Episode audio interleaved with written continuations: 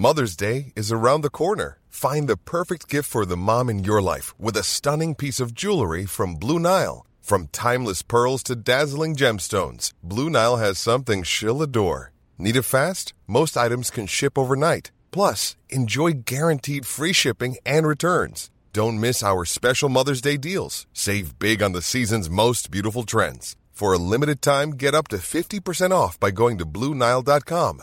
That's BlueNile.com.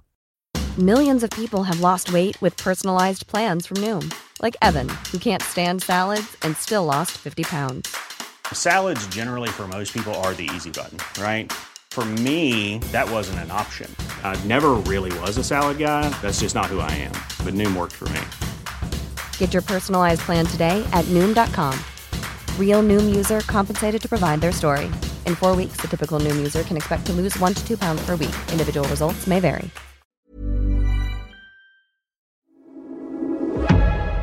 Du lyssnar på GVS ljudböcker.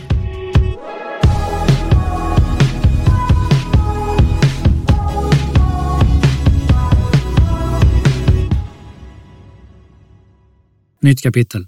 Artikel publicerad i Göteborgs-Posten den 18 maj 2004. Polisen slog till mot mc-gäng misstänkta i stor knarkhärva. I förra veckan grep polisen flera medlemmar i Bandidos X-team i Göteborg. De misstänks för inblandning i en omfattande knark och smuggelhärva. Under natten mellan den 7 och 8 maj slog polisen till på två platser i Göteborg och en i Halland. Sammanlagt greps nio personer. Samtidigt slog polisen i Litauen till och grep flera personer också där. I samband med gripandet hittades en stor mängd narkotika. Flera gripanden kan bli aktuella, säger kommissarie Jan Anders Jönsson på länskriminalens narkotikarotel. Av de som greps i Sverige är fem litauiska medborgare, 19 till 30 år gamla. De misstänks samtliga för grovt narkotikabrott och grov narkotikasmuggling. Anknytning till Bandidos X-team. Fyra är göteborgare med anknytning till Bandidos X-team. De är 24, 27, 27 respektive 44 år gamla. De misstänks för grovt narkotikabrott alternativt medhjälp till grovt narkotikabrott. De två 27-åringarna misstänks även för förberedelse eller stämpling till grovt narkotikabrott. Brotten ska ha begåtts under april och maj i år. Samtliga nio häktades i förra veckan. Då var polis och åklagare förtegna om utredningen. Igår lättade polisen på tystnaden och berättade i ett pressmeddelande att tillslaget skedde efter en längre tids spaning i såväl Sverige som Litauen och att det bygger på ett samarbete mellan Rikskrim, tullen och myndigheter i Litauen, Polen, Tyskland och Danmark. Polisen har analyserat en del av den narkotika som hittats i två bildäck. Det rör sig om amfetamin.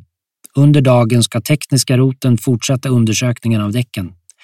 Narkotikan har transporterats till Sverige med bil från Litauen via Polen, Tyskland och Danmark. Den litauiska organisationen som Bandidos X-team samarbetat med är, enligt polisen, sedan tidigare känd för omfattande smuggling av såväl narkotika som cigaretter till Sverige. Ingår i kretsen kring ett mc-gäng. I den pågående svenska förundersökningen finns uppgifter som tyder på flera leveranser till de svenska mottagarna vilka är hemmahörande i Göteborg och ingår i kretsen kring ett mc-gäng, skriver polisen i pressmeddelandet. Förundersökningen leds av kammaråklagare Jim Björk vid Internationella åklagarkammaren i Göteborg. Han befann sig igår på tjänsteresa och var inte anträffbar för en kommentar. Det är känt sedan tidigare att Bandidos X-team har kontakter med kriminella i Litauen. För ett par år sedan slog polisen till mot en fest som det då nystartade X-team höll i en lokal på Friggagatan i Göteborg. 15 personer togs till polisstationen för förhör, misstänkta för ringa narkotikabrott. Bland dem fanns personer från flera håll i Sverige men också Danmark, Polen och Litauen. Per Nygren. Del 2. Barn. Out of sorrow have the worlds been built, and at the birth of a child or a star there is pain. Oscar Wilde. De profundis. Det gick inte urskilja ens enstaka ord. Det behövdes inte. Han hade hört det förut. De högljudda rösterna i köket blandades med smällar och skrammel som omöjligt kunde tolkas som oförsiktigheter. Skriken och gråten där ute hade blivit en lika självklar del i Anders vardag som hans Amiga 500. Skateboarden i hörnet och de ljusgult tapetserade väggarna som bara delvis kunde avskärma honom från kaoset utanför. De senaste veckorna hade bråken eskalerat. Anders pappa drack allt oftare och några nätter tidigare hade han spytt i sängen.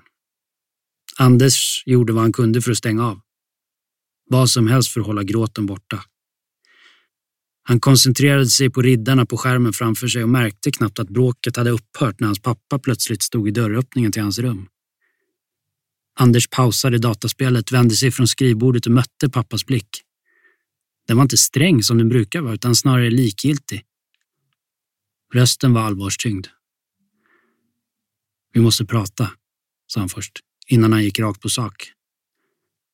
Mamma ska flytta hem till England. Vi ska skilja oss och du måste bestämma dig för var du ska bo. Den 11-åriga pojken hann inte reagera. Pappan stängde dörren efter sig och Anders förstod ingenting. För honom var meningarna lika oväntade som de var smärtfulla. Chocken la sig inte så mycket som den tvingades bort och Anders insåg förvånansvärt snabbt att han stod inför sitt första, kanske livsavgörande val. Ett val som han tydligen skulle vara tvungen att fatta helt själv. Hade det varit mamma eller pappa så hade det varit enkelt. Anders ville mycket hellre bo med sin mamma. Men pappans första mening gjorde det hela enormt mycket mer komplicerat. Mamma skulle flytta till England. Anders tänkte på sina vänner. På Damien och på Shishi. På karateträningarna, Ramberget och källarutrymmet tre trappor ner där han och kompisarna brukar spela pingis. Sen tänkte han på sin mamma. Pauline och Kevin träffades på Mallorca året innan deras son föddes. Pauline var sju år äldre än Kevin och nyskild. Efter år av misslyckade försök att få barn hade hennes italienska man tröttnat och paret gått skilda vägar. Pauline hade liksom alla andra i hennes omgivning utgått från att det var henne det var fel på, att hon aldrig skulle få föda ett eget barn. Fredag den 7 januari 1977, inte ens ett år efter mötet med den långa mörkhåriga svensken på Mallorca, tog hon för första gången Anders i sina armar på Östra sjukhuset i Göteborg. För henne var sonen miraklet hon inte ens vågat drömma om på flera år. Hon kände sig alldeles särskilt välsignad. Det nyförälskade paret hade flyttat ihop tämligen omgående. Pauline hade sin släkt i England, men var sedan skilsmässan och flytten från Sicilien ganska rotlös.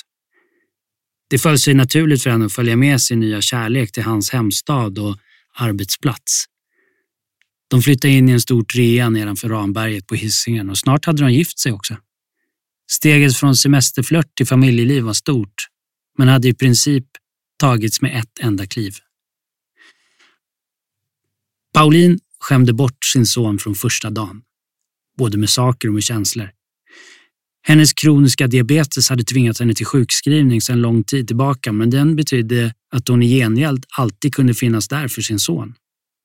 Hon stödde honom i allt vad identitetssökande och självförverkligande hette. Stolt följde hon hans framsteg på karateträningarna och köpte gladeligen nunchakus och andra japanska övningsvapen till honom. Hon lät sig tidigt imponeras av både skateboardkonster och graffitiskisser. Oavsett vad Anders för tillfället intresserade sig för så gjorde hans mamma också det. Med hans pappa var det en annan sak. Deras relation hade naturligtvis inte samma förutsättningar Kevins jobb som förman på ett åkeri i fiskehamnen gjorde att han inte kunde ägna sonen samma tid och energi som Pauline. Men Anders tyckte ofta att hans pappa inte ens försökte. Han var för det mesta ganska ointresserad av Anders. Förutom de gånger det fanns något att klaga över. Då var han inte sen med att spänna blicken i Anders och höja rösten. Det var som att han inte alls kände samma glädje över sin son som Pauline gjorde.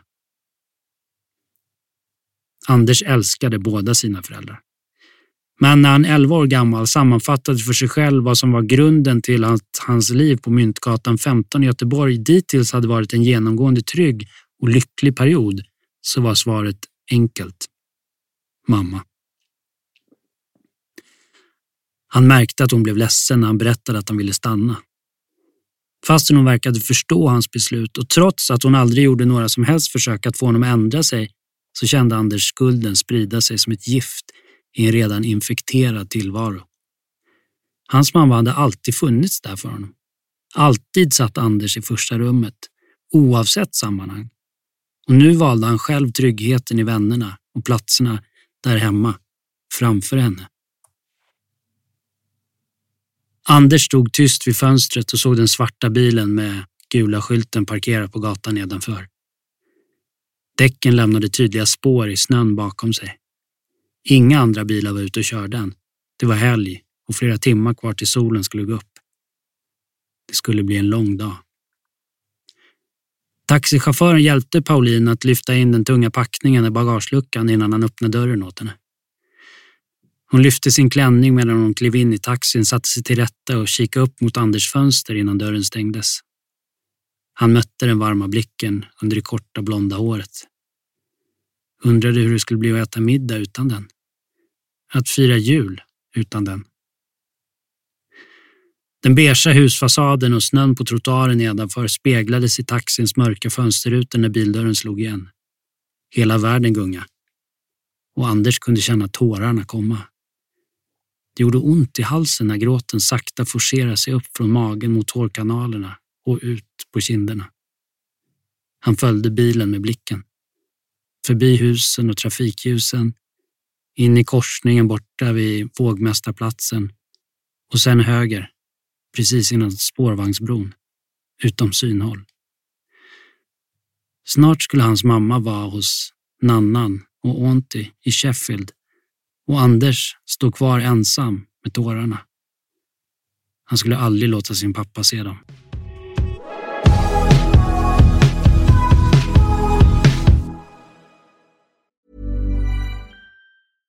Ryan Reynolds here from Mint Mobile. With the price of just about everything going up during inflation, we thought we'd bring our prices down. So to help us, we brought in a reverse auctioneer, which is apparently a thing. Mint Mobile unlimited premium wireless. Ready to get 30, 30, bit to get 30, bit to get 20, 20, 20, bit to get 20, 20, bit to get 15, 15, 15, 15 just 15 bucks a month. So, Give it a try at mintmobile.com/switch. slash $45 up front for 3 months plus taxes and fees. Promo rate for new customers for limited time. Unlimited more than 40 gigabytes per month slows. Full terms at mintmobile.com. Everyone knows therapy is great for solving problems, but getting therapy has its own problems too, like finding the right therapist, fitting into their schedule, and of course, the cost. Well, BetterHelp can solve those problems. It's totally online and built around your schedule. It's surprisingly affordable too. Connect with a credentialed therapist by phone, video, or online chat, all from the comfort of your home. Visit betterhelp.com to learn more and save 10% on your first month. That's BetterHelp, H E L P.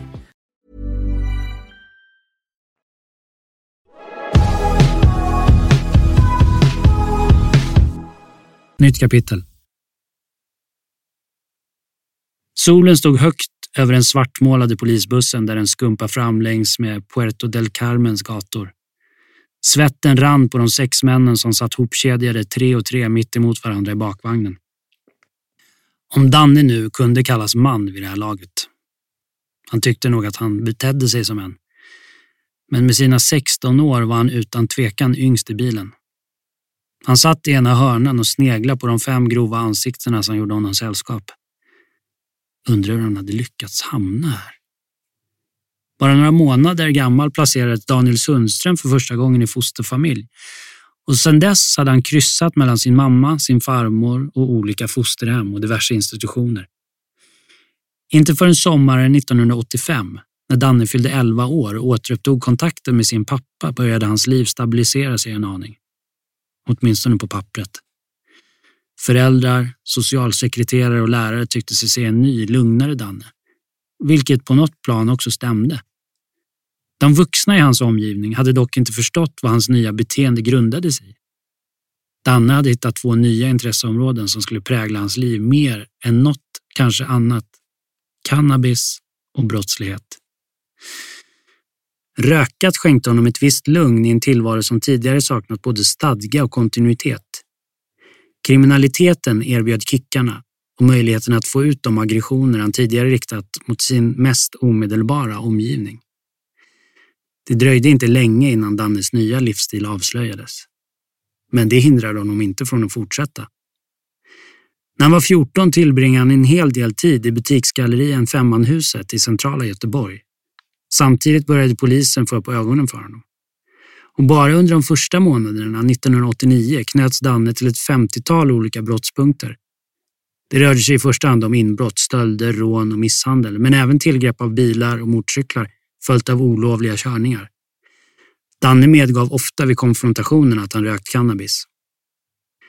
De kommande åren tillbringade Danne i huvudsak på ungdomshem och LVU-anstalter, när han inte var på rymmen. Det var han i februari 1991 när han lånade en äldre kompis pass och följde med sin kusin till Gran Canaria för en två veckors semester. De två veckorna blev två till och genom en bekant på plats skaffade sig kusinerna jobb på en semesterklubb som säljare av så kallade timeshare-lägenheter. Men medan hans kusin arbetade hade Danne fått upp ögonen för en annan alternativ inkomstkälla. Stölder. Han hade inte kunnat undgå att notera avsaknaden av ordentliga lås eller bevakning på alla de smyckes och klockaffärer som låg uppradade längs med turiststråken inne i staden. Med fem års erfarenhet av Femmans betydligt mer svårknäckta guldbutiker kunde han nästan löjligt enkelt rensa åtminstone ett par skåp om dagen. Trots såväl bristfällig lokalkännedom som fåordig spanska var det sällan svårt att bli av med värdesakerna. Eftersom de var så lättillgängliga kunde han dessutom dumpa priset rätt rejält för att få till en snabb affär. När hans kusin efter en månad bokade sin hemresa bestämde sig Danne för att han skulle stanna kvar ett tag till. Samma kväll ringde han ännu ett mottagaren-betalar-samtal hem till Göteborg. Han hade haft kontinuerlig kontakt med båda sina föräldrar sedan ankomsten till semestern. Ingen av dem var särskilt förtjust i att han var där och framförallt hans mamma lät alltid väldigt upprörd. Samtidigt var de väl tacksamma över de livstecken som kom från sonen och de betalade villigt samtalstaxan för att få höra hans röst. Hans mamma hade tät kontakt med såväl socialtjänst som polis. Men inte heller de tyckte sig kunna göra särskilt mycket åt saken. I alla fall till en början. För efter drygt fyra veckor på Gran Canaria fick Danne besked som han inte var helt nöjd med. Det var hans pappa som meddelade nyheten. Hans mamma hade inte svarat när han ringde och han skulle snart få veta varför. Hon sitter på ett plan på väg ner till dig. Hon fick soc att betala biljetten. Så hon kommer för att hämta dig, själv. Men vad fan. Pappans ord tvingar till eftertanke. Men redan innan samtalet var över och Danne hade försäkrat sin pappa om sitt välmående och förstrött lyssnat på uppmaningen om att möta sin mamma på flygplatsen och komma hem, så visste han vad han skulle göra. Han skulle byta ö. Det var mest slumpen som förde honom till Lanzarote och staden Puerto del Carmen. Han hittade snabbt rätt bland den gamla fiskebyns vita små hus och fortsatte sin framfart mellan turisterna och butikernas glimrande glasskåp. På ett sätt hade det kanske varit lika bra att byta jaktmarker. Det var ju säkrare så. Privatekonomin var bättre än någonsin och Danne checkade glatt in på ett trevligt hotell och spenderade resten av pengarna på drinkar, hash och de bilar som lagom regelbundet kraschades och byttes mot nya. Det kryllade av såväl skandinaver som engelsmän och Danne hade inga problem med att stifta nya bekantskaper. Under tiden gav hans mamma upp sitt sökande på grannön och återvände till Göteborg. Men hon hade allt annat än gett upp.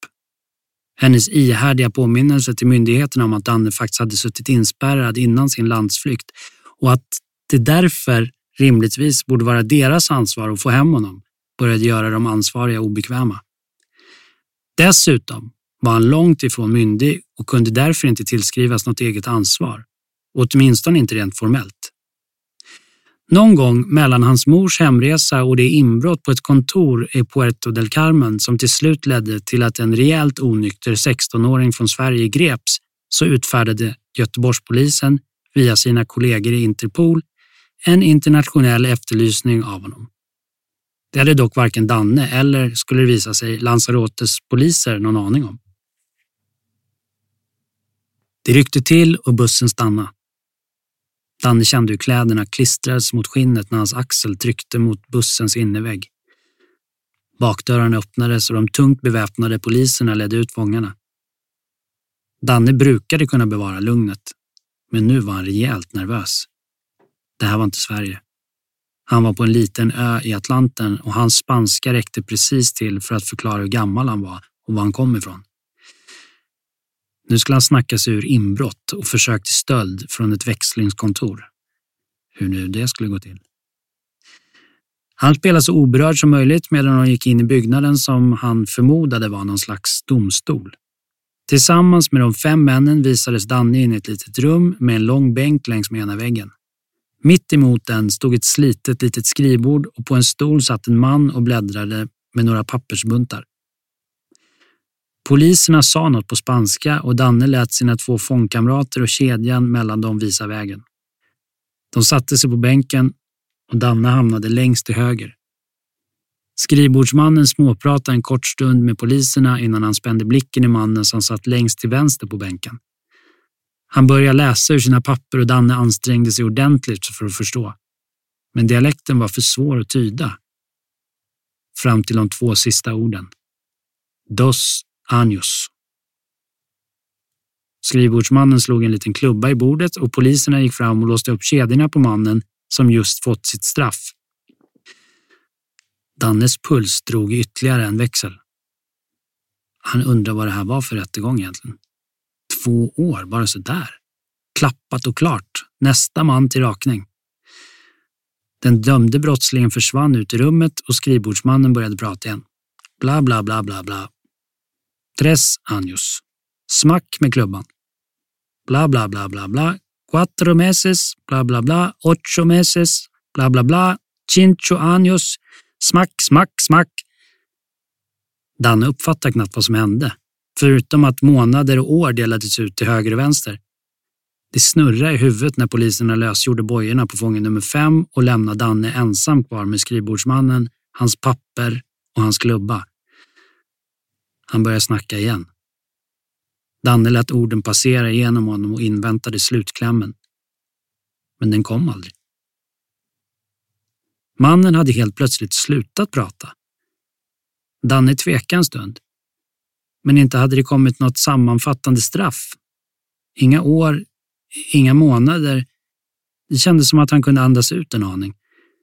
Poliserna gick fram till den förvirrade ynglingen och befriade honom från kedjorna. Danne förstod inte. Istället för ytterdörren ledde de honom mot ett annat mindre rum. Ett bord, två dörrar, tre stolar. Det liknade ett förhörsrum. Poliserna lät honom gå in först. Sen stängde de dörren bakom honom. Svängningarna började bli lite för många nu. Osäkerheten lite för påfrestande. En äldre man i kostym kom in genom den andra dörren och förklarade på engelska att han var Dannes advokat. Danne sjönk ner på ena stolen men hade svårt att känna någon egentlig lättnad, även om det var skönt att träffa någon som man kunde ha en någorlunda rak konversation med. Advokaten plockade upp sin portfölj och tog fram några papper. Han berättade att Danne inte hade något att oroa sig för, att han hade förhandlat fram en bra kompromiss med domaren. Två veckor på vad som lät som något slags ungdomshem väntade tydligen. Där han skulle kunna fördriva tiden med att läsa, spela fotboll och kanske lära sig lite spanska. Just sign here, sa advokaten och räckte sin unge klient en penna medan han pekade på ett tomt streck längst ner på en av papperna. Danne skrev under. Han hade inte så mycket annat val än att lita på sin advokat. Han tyckte ju det där med fotboll lät bra och var Lanzarotes ungdomshem i närheten av de svenska så skulle han säkert kunna rymma om han tröttnade. Medan domaren och advokaten samtalade på spanska började Danne äntligen känna någon slags lugn. En kvart senare satt han återigen i den svarta polisbussen hopkedjad med samma fem medfångar och kände oron komma tillbaka. De andra skulle knappast till något ungdomshem. Han tänkte att det kanske låg på vägen till fängelset. Men ju längre tiden gick, desto mer grusades hans förhoppningar. Han kikade ut genom det gallerförsedda fönstret som skilde honom från poliserna i framsätet och såg en vit, stor mur växa fram i det öde landskapet. Muren pryddes av taggtråd och vakter med automatvapen. En enorm gallerport hissades långsamt upp när bilen närmade sig. Det här var inte bra. Det här var riktigt jävla illa, tänkte han. Tahiche låg några kilometer in från Lanzarotes östkust och var öns enda fängelse. När den vita stenbyggnaden uppfördes 1980 var tanken att den skulle rymma 70 intagna. Men antalet fångar översteg som regel den siffran med råge och fängelset var ett av Spaniens mest överbefolkade. Under i princip hela 90-talet bodde tre interner i varje singelcell och de celler som från början skulle rymma tre personer bodde tolv. I början av 00-talet skulle spansk domstol efter flera år av klagomål från såväl intagna som fack och anställda slå fast att förhållandena inte var bara ohållbara utan rent av olagliga. Men den situationen som tio år senare skulle kallas omänsklig och förnedrande i en statlig rapport var högst aktuell när Danne rullades in genom fängelsets portar i en svart polisbuss. Luften var dålig i den trånga, varma cellen och varje andetag blev svårare att dra under filten. Danne försökte skapa en liten glipa framför näsan utan att släppa in onödigt mycket ljus eller ljud. Han låg överst i en av fyra trevåningssängar, knappt en halv meter under lysrören som aldrig släcktes. Fängelsevakten dämpade bara ljuset på natten för att ständigt kunna hålla fångarna under uppsikt. Varje natt surrade av flugor som lika desperat som outtröttligt studsade mot lampan ovanför Dannes huvud. Det här var annat än ungdomsanstalten hemma i Sverige. Tahichi liknade mest fängelserna Danne hade sett på gamla amerikanska västern eller gangsterfilmer. Det var grova, tjocka betongmurar utan tillstymmelse till inredning. Rejäla galler och stora fullpackade avdelningar staplade i höjd med långa balkongliknande gångar utanför varje cell. Vakterna sa inte ett ord. Ville de något skrek de och viftade med automatvapnet. Sambandet mellan dem och fångarna de vaktade sköttes av en kortväxt liten man, Louise, som tydligen var någon slags förtroendefånge. Han rultade runt med sin enorma nyckelknippa och skötte allt från inlåsning om kvällarna till beställning av diverse varor bland de övriga intagna. Danne lyckades aldrig riktigt lista ut vad Louise fick i gengäld eller varför just han hade fått uppdraget. Men det verkade i alla fall inte gå någon nöd på honom. Han hade heller inte fått något rakt svar på hur länge han skulle vara där. Förhoppningen om två veckor fanns kvar. Det var ju vad advokaten hade sagt. Å andra sidan så kändes den där advokaten så här i efterhand inte särskilt pålitlig. De första tre dagarna hade ändå varit okej. Okay. Danne hade varit inlåst förr, även om det fanns en hel del markanta skillnader. Han satt med vuxna män nu, varav flera uppenbarligen var grova brottslingar som hade varit på fängelset länge och förmodligen skulle stanna där ett bra tag. Danne bodde på översta balkongvåningen tillsammans med hans vänner från rättegången och ytterligare sex fångar som var ganska nya. Den enda andra utlänningen i cellen var en engelsman, Mark, som satt för bedrägeri efter att han tagit sig igenom hela Spanien två gånger om med köpta lägg, stulna hyrbilar och falska checkar. Han hade blivit förflyttad från ett fängelse i Madrid någon vecka tidigare och verkade inte helt missnöjd med situationen. Enligt vad han berättade var det tio gånger värre i huvudstaden. Som nyintagen fånge hamnade du på nedersta våningen tillsammans med 70 andra intagna i vad som lät som ett enda stort rum. Det fanns ett gäng filtar men inga sängar eller celler. Därefter jobbar man sig uppåt i hierarkin och ju längre man satt och på så sätt också uppåt i fängelset. För varje nytt steg uppåt i de totalt fem våningarna höjdes standarden något. Högst upp fanns det till och med tv-apparater och singelceller. Men så långt hade tydligen inte Mark kommit innan han skickades till Lanzarote och Tahiti. Mark var visserligen ny och utlänning men verkar ändå ganska hemma i den spanska fängelsemiljön. Eftersom han tillhörde en av få som pratade engelska blev det naturligt att Danne vände sig till honom när han undrade något. Och det gjorde han. Framför allt undrade han hur han skulle bete sig mot de andra fångarna och hur de skulle kunna tänkas bete sig gentemot honom. En fråga malde i hans huvud och med risk för och kanske även med förhoppning om att låta dum så vände han sig till Mark redan andra dagen. What do I do if they try to rape me? Blicken han fick tillbaka var allvarligare än Danne hade hoppats. Just let them do it. It'll be over quickly. Over my dead body, fnös han tillbaka och försökte se självsäker ut trots att det vände sig i magen på honom. Well, that's also an alternative, suckar Mark tillbaka. Senare samma dag satt Danne, precis som alla andra, i balkonggången utanför cellerna och åt sin middags pepito. Ett slags eh, baguetteliknande bröd med varierande fyllning. Menyn såg likadan ut varje dag. Yoghurt och flingor till frukost, pepito med kött eller kyckling och en kopp starkt sött kaffe till lunch och middag. Han hade precis hällt i sig det sista kaffet och övervägde att gå och lägga sig en stund när någon började skrika två våningar ner. En cellkamrat knuffade honom lätt till sidan och gestikulerade mot en cell snett nedanför deras som Dan hade lärt sig var hem för några av fängelsets grövsta brottslingar. En stor äldre man mötte hans blick. You, boy, come here.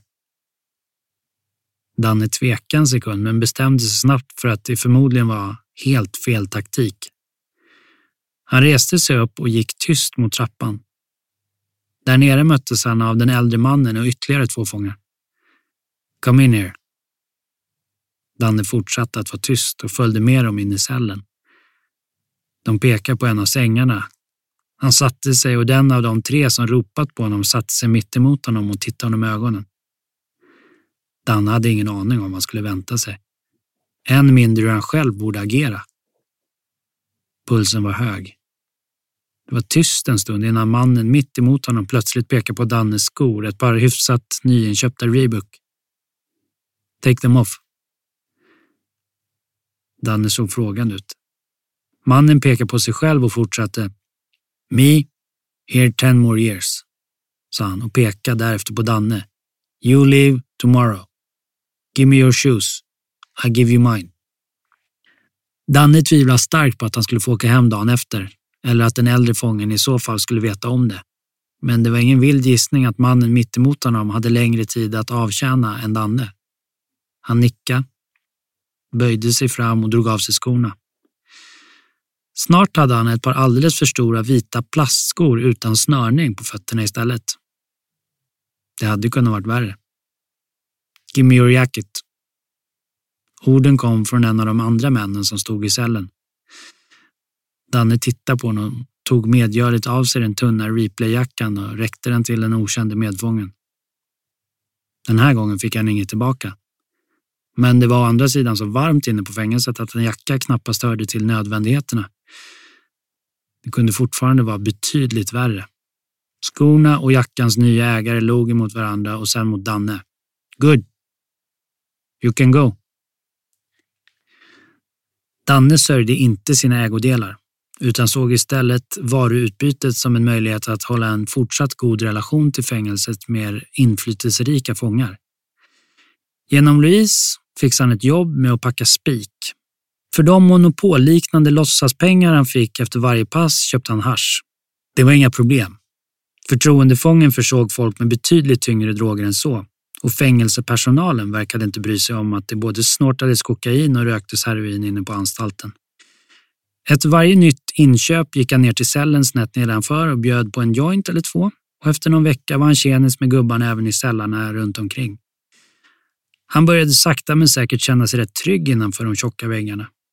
Men samtidigt undrade han hur länge han skulle behöva stanna. Efter 14 dagar på Tahiti blev han hämtad av en vakt. Det här måste ju betyda något, tänkte han. Han till och med vinkade adjós till gubben som tagit hans skor på vägen ut och fick ett snett leende tillbaka. Väl inne på kontoret togs han emot av en stel karl som sneglade i papperna på det stora skrivbordet framför honom. Nombre, sa han utan att titta upp från sitt skrivbord. Daniel Sundström, sa Danne med läspande tunga. Efter en stunds bläddrande kom ett muttrande svar. Danne fattade inte ett ord. Han tittade frågande på en av vakterna i rummet som han visste pratade lite engelska. What did he say? Eh, you here two more weeks, svarade mannen allvarligt. Han måste ha sett paniken i Dannes ögon för han började snabbt att skratta. Just kidding, you leave today. Det tog inte mer än någon minut för Danne att sudda ut rädslan och oron som han hade somnat med de senaste två veckorna. När han såg grinden rullas upp var det med en växande känsla av suveränitet och befrielse. Men redan efter ett par steg i frihet utanför fängelset kom nästa bakslag. Danne såg sig omkring. Sten, grus, buskar och gassande sol. Inte en skymt av civilisation. Han kanske borde ha anat det, men tanken på frihet hade trängt undan allt annat. Han lät blicken vandra längs med horisonten. Ingenting. Hur långt var det till närmaste stad eller by? Det hade han ingen aning om. Han hade hunnit äta lunch innan frigivningen och skulle förmodligen orka gå ganska långt. Men åt vilket håll? Han tittade på den primitivt uppkörda väg som hade fört honom hit två veckor tidigare. Den drog åt vänster direkt utanför porten. Men såg snarare ut att gå i en båge åt höger längre fram. Han måttade med blicken och började gå snett åt höger. Han hade inte kommit långt innan han hörde någon skrika bakom honom. Kihei!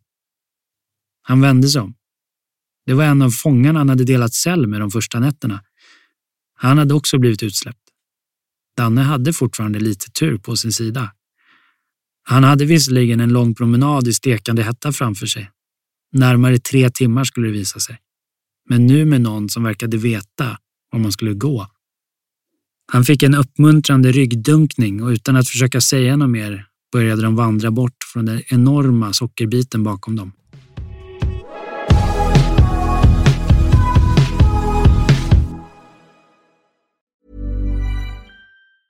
Even when we're on a budget, we still deserve nice things.